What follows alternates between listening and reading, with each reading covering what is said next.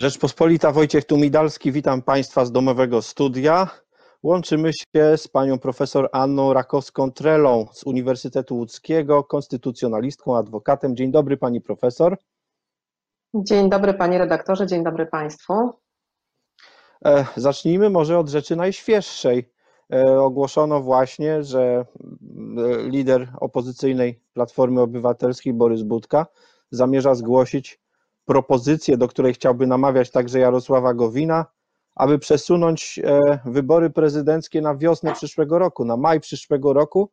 E, no, tam są mhm. różne apele polityczne związane z e, apelowaniem do odpowiedzialności i troski o państwo pana już teraz posła Gowina, który jeszcze niedawno był wicepremierem i ustąpił.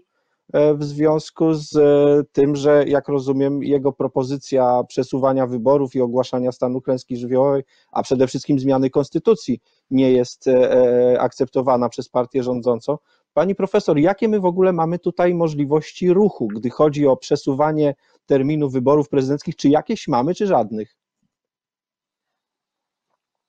Oczywiście, że mamy, tylko powinny to być metody czy pomysły zgodne z konstytucją. Natomiast wyobraźnia polityków, ich pomysłowość dawno już te granice konstytucyjne przekroczyły. Z jednej strony mamy bowiem pomysły przeprowadzenia głosowania w terminie, czyli w maju, bo już nie powiem, że 10 maja, bo też jest pomysł, żeby dać e, pani marszałek Sejmu uprawnienie do przesunięcia tego terminu w granicach konstytucyjnych, to też jest pomysł niekonstytucyjny, no ale taki jest. E, w trybie głosowania, tak zwanego głosowania korespondencyjnego, choć ja mam wątpliwości, czy to można nazwać e, ten tryb głosowaniem korespondencyjnym. E, drugim pomysłem jest projekt ustawy o zmianie konstytucji pana premiera Gowina, który publicznie mówi, że ten projekt zasadza się na pomyśle aby przesunąć wybory o dwa lata. Chociaż z tego projektu, jak przeczyta go prawnik, a myślę nawet student i pierwszego roku prawa, wcale nie wiadomo, czy rzeczywiście taki pomysł e, wynika, szczególnie, że, że ta ustawa o zmianie konstytucji miałaby, miała być w życie w czerwcu, a więc już po wyborach planowanych na maj, co też stawia pod znakiem zapytania w ogóle istotę pomysłu i, sam, i samą treść projektu. E, no po trzecie, mamy teraz pomysł pana e, posła Budki o tym, żeby przesunąć wybory na rok przyszły, na wiosnę. No ten pomysł opiera się na E, w sumie chyba dobrej koncepcji w sytuacji, w której się znaleźliśmy, czyli na koncepcji wprowadzenia stanu nadzwyczajnego. To jest oczywiste od e, tygodni, że taki stan nadzwyczajny powinien być wprowadzony, bo faktycznie e, mamy ograniczenia, które mogą być wprowadzone tylko w stanie nadzwyczajnym. No tylko ja nie wiem, skąd ma pan poseł wiedzę, że ten stan zakończy się w takim momencie, że możliwe będzie zorganizowanie wyborów właśnie w maju a nie w lutym, czy w czerwcu, czy we wrześniu przyszłego roku. Jak rozumiem, e, chodziłoby o to, żeby w tej chwili, no jedyna możliwość to jest ogłosić stan klęski żywiołowej, co pozwala nam odsunąć w czasie przeprowadzenie wyborów, bo e, e, z mocy tego ogłoszenia i z mocy prawa wydłużają się kadencje organów państwa, tych wybieralnych, które, które się kończą. Ale czy także kadencja pierwszego prezesa Sądu Najwyższego, pani profesor? Że tak pytam z ciekawości? Nie.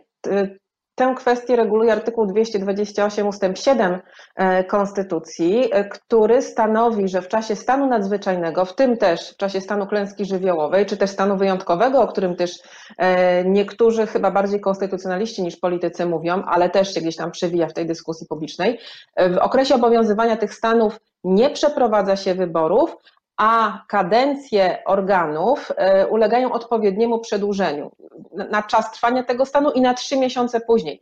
Przy czym ten przepis stanowi o organach pochodzących z wyborów powszechnych, czyli gdybyśmy mieli, mamy wybory prezydenta, ale gdyby to były wybory Sejmu, Senatu, e, też wybory do samorządu terytorialnego, e, to kadencje tych organów ulegają przedłużeniu. Natomiast nie chodzi tutaj o kadencję e, chociażby właśnie pierwszego prezesa Sądu Najwyższego, czy jakichkolwiek e, innych organów, które są no, wybierane w ramach tych organów, czy powoływane, tak jak w przypadku pierwszego prezesa Sądu Najwyższego, powoływane przez prezydenta spośród kandydatów wskazanych przez ten organ, czyli przez sędziów Sądu Najwyższego. Czyli nie, ta kadencja się nie przedłuża. Mhm. Jasne. Wróćmy zatem do wyborów powszechnych, konkretnie wyborów prezydenckich. No i tym, co, i, i tego, co niektórzy nazywają głosowaniem korespondencyjnym na nowych zasadach, rozumiem, z wyłączeniem kodeksu wyborczego, bo tak wynika z tych, z tych nowelizacji. Inni zaś ci bardziej złośliwi mówią o usłudze pocztowej tak. specyficznej, która miałaby teraz, miałaby teraz w jakiś sposób dotyczyć wszystkich obywateli. E, co konstytucjonalista myśli o takim pomyśle? Ponieważ ten pomysł e, już znam od jakiegoś czasu, no od, od, od, tego momentu, kiedy, kiedy pojawiły się projekty, no one zostały, jeden został odrzucony, drugi został bardzo szybko uchwalony przez Sejm, to było 6 e, kwietnia, to na szczęście już emocje się troszeczkę uspokoiły, więc też mogę mówić spokojniej. No to nie jest głosowanie korespondencyjne to określenie usługa pocztowa chyba jest zdecydowanie bardziej adekwatne, e, a można powiedzieć, że to nawet nie są wybory. Tutaj nie ma żadnych gwarancji e, ani dla nas jako wyborców. Ja już nie mówię o tym, że nie ma gwarancji e, dla kandydatów, bo o tym, że kampania wyborcza się od dawna nie toczy, to wszyscy wiemy, a Trzeba pamiętać o tym, że wybory to nie jest sam moment głosowania, tylko to jest bardzo długi i żmudny, skomplikowany proces, w którym biorą udział nie tylko wyborcy, podejmując decyzję, na kogo głosować, ale także y, kandydaci, ich sztaby i komitety wyborcze. Oni nie mają żadnej możliwości uczestniczenia w tym procesie wyborczym e, i wprowadzenia jakiegoś ogólnego głosowania korespondencyjnego, powszechnego tego problemu nie rozwiąże.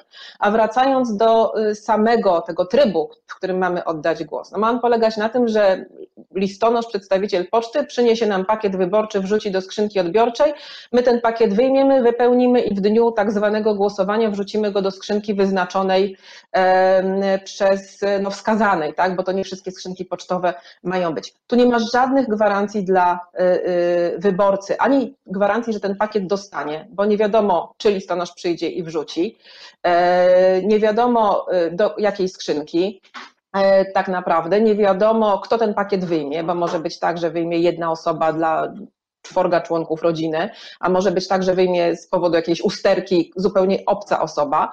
Nie ma też zupełnej, y, y, y, żadnej kontroli, kto będzie głosował, bo także na etapie tego wrzucania już tych wypełnionych kart do tych skrzynek pocztowych nikt nie będzie sprawdzał, kto przyszedł, kto wrzuca, kto ten głos oddaje. To nie, jest, to nie są wybory, one nie są powszechne, nie są równe, nie są tajne, to, to, to, to w ogóle nie będą wybory, to będzie jakiś plebiscyt, który władza nam chce urządzić.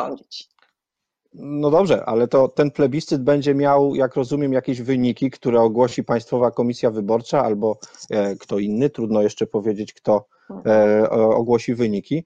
E, no, ktoś wygra, ktoś przegra. Teorie są raczej takie, że wygra ten, który, który obecnie sprawuje urząd. Jego kadencja wygaśnie w sierpniu, bodaj 9.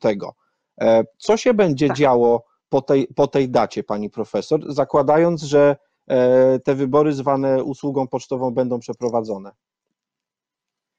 Czy no decyzje, po, przepraszam, tak? E, bardzo przepraszam, czy decyzje, czy decyzje podejmowane przez e, prezydenta, podpisywanie ustaw, wetowanie, nie wiem, kierowanie wniosków do Trybunału Konstytucyjnego, nominacje sędziowskie, profesorskie, wszelkie inne prerogatywy, jakie prezydent ma, czy to będzie wiążące, czy to będzie miało moc prawną i tak dalej? Mhm. No, no jeżeli te w cudzysłowie wybory zostaną w ten sposób przeprowadzone, no to nam jako wyborcom nie pozostanie nic innego, jak y, składać protesty do e, Izby Kontroli Nadzwyczajnej, czy do Sądu Najwyższego. E, zgodnie także ze znowelizowanymi przepisami, to już jakiś czas temu, o ważności wyborów ma rozstrzygać Izba Kontroli Nadzwyczajnej e, Sądu Najwyższego. Przypomnę, jest to jedna z tych tak zwanych niekonstytucyjnych izb, e, w której zasiadają sędziowie e, nominowani w sposób niekonstytucyjny.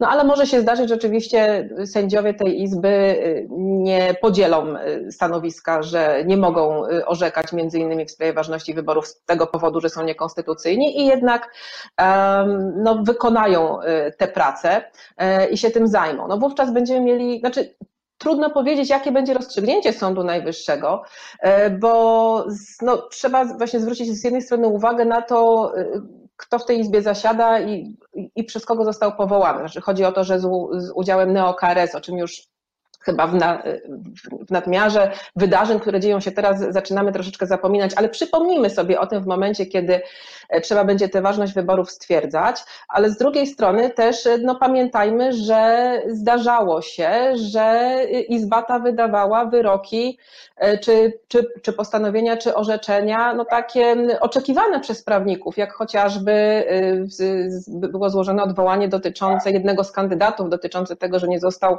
zarejestrowany bo nie mógł zebrać przepisu, podpisów pod swoją kandydaturą e, z uwagi właśnie na sytuację epidemiczną i ta jego skarga, to jego odwołanie zostało uwzględnione. Tak więc Także ci sędziowie, mimo e, swojego pochodzenia od neo-KRS, dostrzegają problemy, jakie e, są teraz z organizacją wyborów, jak się zachowają w związku z protestami, które, no, mam nadzieję, będziemy licznie składać w sytuacji, jeżeli by te przepisy o, tym, e, o tej usłudze pocztowej zostały zastosowane. Tego nie wiemy, ale wiem jedno, jeżeli by się okazało, że no, rzeczywiście te wybory w maju w ten sposób się odbędą, zostanie wybrany ktokolwiek prezydentem, E, w tych wyborach, to taka osoba powinna wstrzymać się z podejmowaniem e, jakichkolwiek istotniejszych czynności do momentu e, ogłoszenia o ważności wyborów. Jeżeli by to no miało być po sierpniu, chociaż nie wydaje mi się to prawdopodobne, żeby tak było, no ale, ale no my nie wiemy, co się wydarzy. Z tego powodu, że, no tak jak mówię, no ryzyko nieważności tych wyborów jest istotne, duże.